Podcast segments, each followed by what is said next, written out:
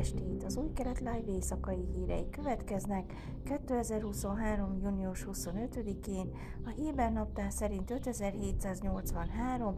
Támusz hó 6-án.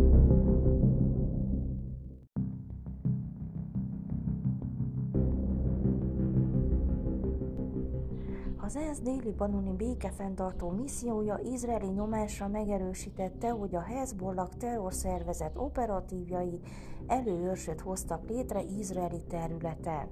A Kán közszolgálati műsorszolgáltató szerint az izraeli védelmi erők a békefenntartókhoz fordultak a sátrak felállítása miatt, de az ellenőr csak Izrael ENSZ központban végzett diplomáciai nyomása után ment a helyszínre.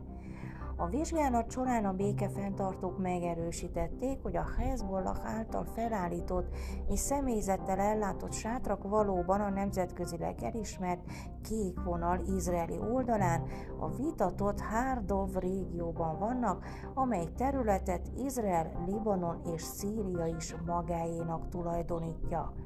Az Antonio Gutierrez ENSZ főtitkárnak és az ENSZ biztonsági tanácsának címzett levelében Izrael ENSZ nagykövete Gilad Erdán azt írta, hogy a Hezbollah lépései a második libanoni háború 2006-os befejezését követően mindkét ország által ratifikált 1701-es számú ENSZ határozat megsértését jelentik.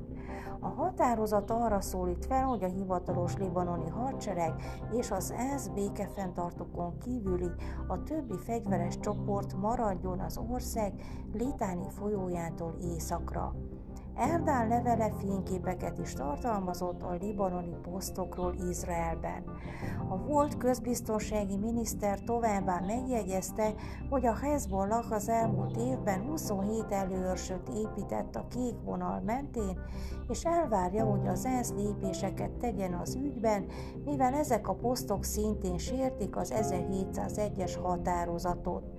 Mindeközben Libanon is a biztonsági tanácshoz fordult, azzal vádolva Izraelt, hogy provokatív módon megsérti Libanon légi és tengeri szuverenitását. Izraelnek és Libanonnak a területi viták miatt nincs formális határa, de nagy részt betartják az ENSZ által elismert, a két országot elválasztó úgynevezett kék vonalat.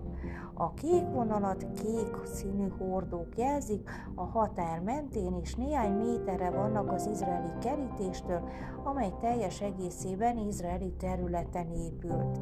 Míg az izraeli hadsereg azt mondta, hogy a sátrakat diplomáciai úton akarja megoldani, az ENSZ békefenntartó erőivel a Hezbollah operatívjainak eltávolításával, hozzátette, hogy végül erőt is alkalmazhatnak.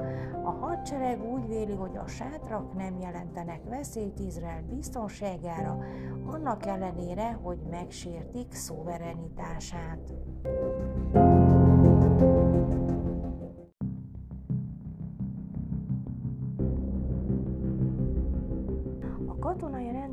rendőrség kihallgatta az izraeli védelmi erők Judea és Szamária hadosztályának egyik katonáját, akit azzal gyanúsítanak, hogy titkos információkat osztott meg előőrsök felállításában résztvevő telepesekkel, hogy segítsen nekik megakadályozni azok evakuálását a biztonsági erők által.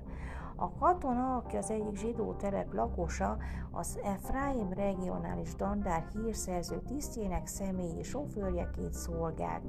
Ki volt téve a hadosztály titkos hírszerzési információinak, és jelen volt magasrangú tisztek közötti megbeszéléseken az illegális előörsök evakuálására irányuló szándékukról. A katonát felfüggesztették állásából, a nyomozás megállapításait pedig továbbították a katonai ügyészségnek, a közelmúltban a biztonsági szervek észlelték, hogy amikor az előőrsök kiürítését végző erők a helyszínre érnek, a telepesek felkészülten várják őket, ami sokkal bonyolultabbá teszi a műveletet. Emiatt a Sabak belbiztonsági szolgálat és a rendőrség úgy vélte, hogy valaki információkat szivárogtat nekik. A közelmúltban a Ramallah közelében végrehajtott egyik evakuálás során az előőrsön több tínédzsert őrizetbe vettek, és kihallgatásokkor az információ szivárogtatás kapcsán a katona neve is felmerült, akit ezért szintén beidéztek. A Háreznek nyilatkozó források szerint bár parancsnokai tudták, hogy a katona jól ismert a szélsőséges telepesek körében, semmit sem tettek annak megakadályozására, hogy érzékeny információk birtokába jusson. A katonai szóvivő azt válaszolta, hogy a katonával szemben nyomozás indult, annak gyanújával, hogy civileknek olyan minősített információkat adott át, amelyeknek szolgálata során volt kitéve. A nyomozást lezárták, és a megállapításokat továbbították a katonai ügyészségnek. A nyomozás megindításakor a katonát felfüggesztették beosztásából, és már nem szolgál a hírszerző tiszt sofőrjeként.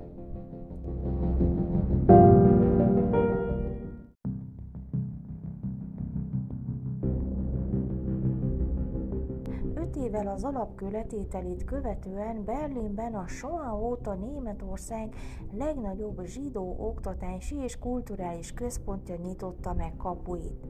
A Pierce Jewish Campus a jelenleg a város különböző épületeiből az új tanévtől egy helyre költöző 550 Habad diáknak ad majd otthont az iskolákban és az óvodákban, emellett mozi, zenei stúdió, könyvtár, kóser csemegebolt, fedett kosárlabdapálya és tornaterem is rendelkezésre áll a tanulók számára.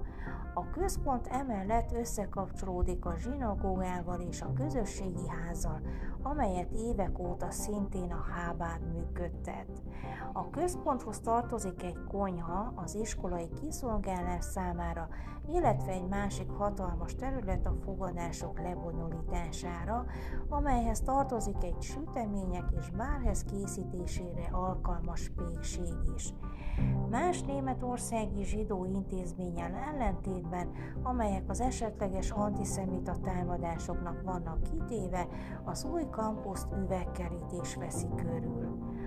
A holokauszt előtt Berlinben élt Németország legnagyobb zsidó közössége. A nácik hatalomra kerülésének idején több mint 160 ezer zsidó élt Berlinben. A második világháború végére módszeres megsemmisítésük és részben a kivándorlás miatt számuk alig 7000-re csökkent.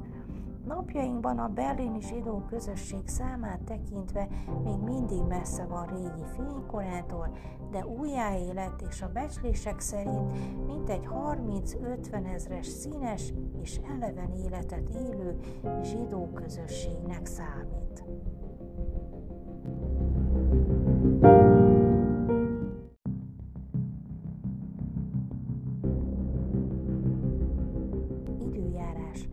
Hétfőn napos idő várható Jeruzsálemben, Asdodban és Tel Avivban 29, Hajfán 28, míg Eiláton 39 fokra lehet számítani. Ezek voltak az új keretlány hírei vasárnap.